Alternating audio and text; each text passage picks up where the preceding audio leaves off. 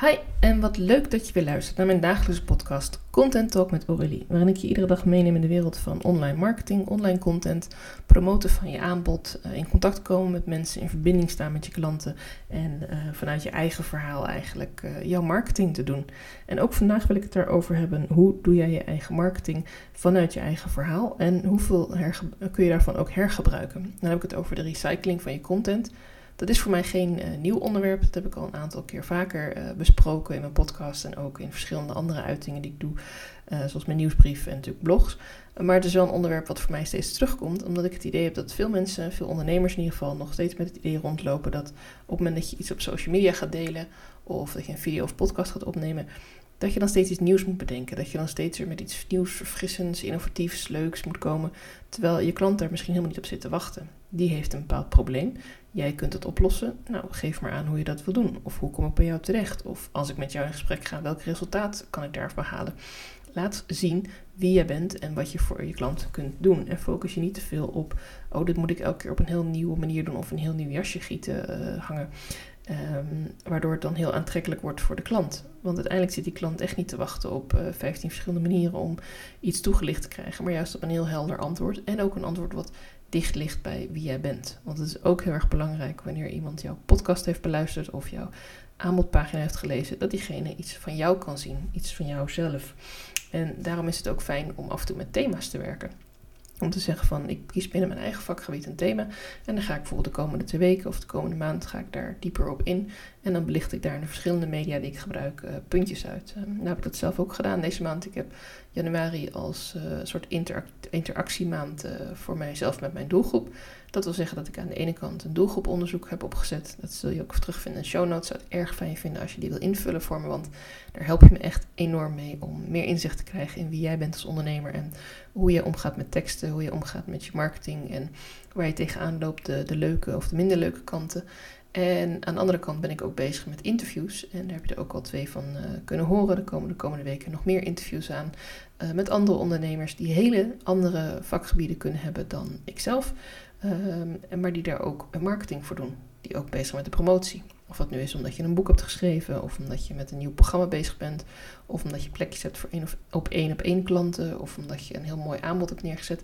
Je zult toch aan de wereld moeten laten weten dat je er bent. En ook daar kan recycling van je posts, van je content bij helpen. Want het kan best wel zijn dat jij in het verleden hele mooie blogs hebt geschreven, waar je dan nu een podcast over maakt. Bijvoorbeeld over een stukje van dat blog.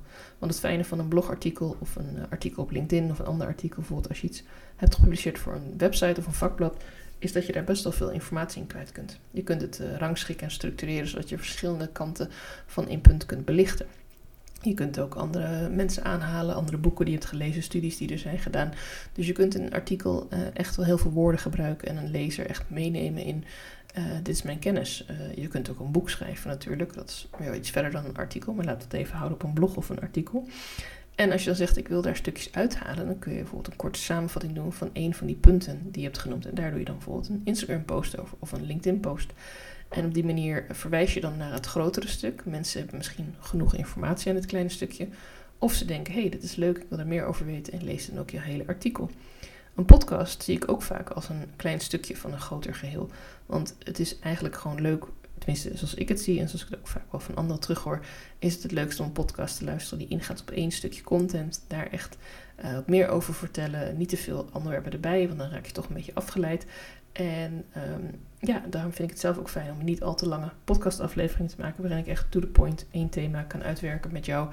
En uh, met je mee kan denken over ja, hoe doe je dat nou, dat recyclen? En wat zijn de voordelen, wat zijn de nadelen en um, uh, wat houd je misschien tegen? Nou, een nadeel van recycling kan zijn dat je het gevoel hebt dat mensen te veel hetzelfde van je horen. Maar vergeet niet dat jouw klant of uh, iemand die jou volgt echt niet elke post van jou leest en ook nog onthoudt dat je daarover geschreven, gepraat of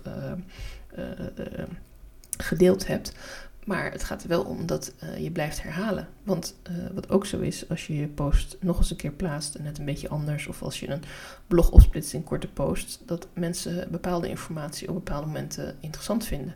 Als je in de file staat, vind je het misschien leuk om lekker naar een podcast te luisteren ergens over en even je gedachten te laten wegdrijven op een leuk onderwerp. Als je toevallig even op de wc zit, kijk je even snel je Instagram door. Als je wat meer tijd hebt en echt wil verdiepen in iets, ga je blogs lezen. Zo kun je dus uh, verschillende klanten bedienen, maar ook dezelfde klant op verschillende manieren bedienen. Want de ene keer heeft hij behoefte om iets te luisteren, de andere keer om iets te lezen of even snel wat tot zich te nemen met een leuke call to action. En denk, hé, hey, dat is interessant. En ook herhaal die call to action natuurlijk. Uh, ook dat is een stukje recycling van je content. Je kunt op vijf verschillende manieren vertellen dat jij een nieuw programma hebt. Als je maar wel elke keer erbij vertelt dat diegene op de wachtlijst kan komen te staan. Of dat diegene zich nu kan aanmelden voor dat nieuwe aanbod van jou. Of misschien met jou in gesprek kan gaan of er een leuke klik te vinden is.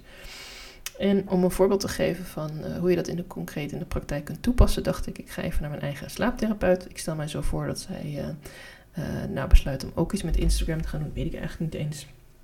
Geloof ik niet. Ik geloof dat ze vooral een website heeft.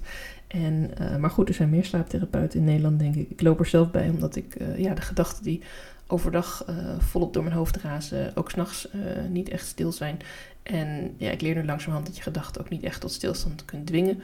Maar je kunt wel je aandacht verschuiven van, ga ik al die gedachten volgen? Ga ik daar aandacht aan blijven geven? Of ja, ga ik af en toe ook even denken, nou, laat maar even lekker gaan, al die wolkjes. En nu ga ik even niet met al die gedachten en piekeringen mee. Dat doe ik dan op bepaalde momenten van de dag of ik schrijf daarover. Ja, en daar helpt deze therapeut me bij. En wat zij bijvoorbeeld zou kunnen doen, is een van de oefeningen die zij mij heeft uh, aangeleerd. En die ik eigenlijk ook in andere contexten ook wel vaak heb gedaan, de bodyscan. Uh, die kan ze bijvoorbeeld opnemen als een mp3'tje of uh, als een podcast. Kan zij bijvoorbeeld die helemaal doorspreken. hoe je dan heel rustig gaat zitten of liggen. En dan ofwel vanaf je tenen en dan langzaam omhoog. Of vanaf je hoofd rustig naar beneden, vanaf je kruin naar beneden. Eh, langzaam de, de delen van je lichaam afgaat en deze even de spanning loslaat. En zo eigenlijk meer in je lichaam terechtkomt, waardoor je ook meer rust gaat ervaren en uiteindelijk ook weer kunt gaan slapen als je s'nachts wakker ligt. Ze kan ook een blog schrijven over hoe werkt zo'n bodyscan en waarom werkt het zo en welk onderzoek is daarnaar gedaan. En wat hebben mensen eraan als ze dit dagelijks doen? Wat is het resultaat als je dit een paar keer doet in de week of als je het elke avond doet voordat je gaat slapen? Ga je dan beter slapen? Wat zijn de resultaten die mensen hebben ervaren daarmee?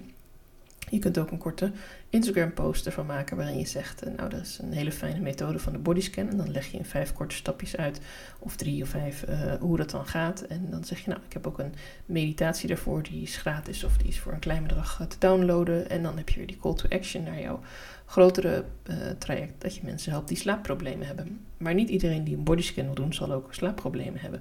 Dus je zal daarmee ook meer mensen kunnen helpen door een klein stukje van je totale aanbod te delen met meer mensen, die dan ook vervolgens weer tevreden over je zijn en dat dan ook weer gaan delen. Dus op die manier is het recyclen van je content op verschillende manieren, inzetten van dingen die, waar jij goed in bent, waar je expert in bent, ook heel waardevol. Uh, niet alleen om direct klanten te treffen, maar ook om andere mensen te kunnen helpen die ook misschien heel veel baat hebben bij wat jij kunt, kent en uh, welke expertise je hebt, maar die misschien niet precies aansluiten bij jouw grote aanbod. En door dat te recyclen, door dus op verschillende momenten dat te vertellen, kun je niet alleen je boodschap blijven herhalen, waardoor mensen toch wat vaker uh, dat goed blijft hangen. Maar je kunt ook meer mensen bereiken die je anders uh, niet had bereikt als je maar met één, um, bijvoorbeeld één blogpost schrijft, of alleen op Instagram, of alleen die podcast erover deelt. Ik wil dit graag even meegeven. En uh, als je er zelf vragen over hebt, of als je denkt, uh, hoe werkt dat dan in mijn uh, vakgebied, stuur me vooral even een berichtje. Ik kijk heel graag met je mee op welke manier ik je zou kunnen helpen daarmee. En vraag staat altijd vrij, dus stuur me gewoon een DM op Instagram of een mailtje. De, in de show notes zet ik weer even mijn contactdetails. Ik vind het leuk om van je te horen en om samen verder hierover in gesprek te gaan. En ik wens je een hele fijne dag en tot mijn volgende podcast.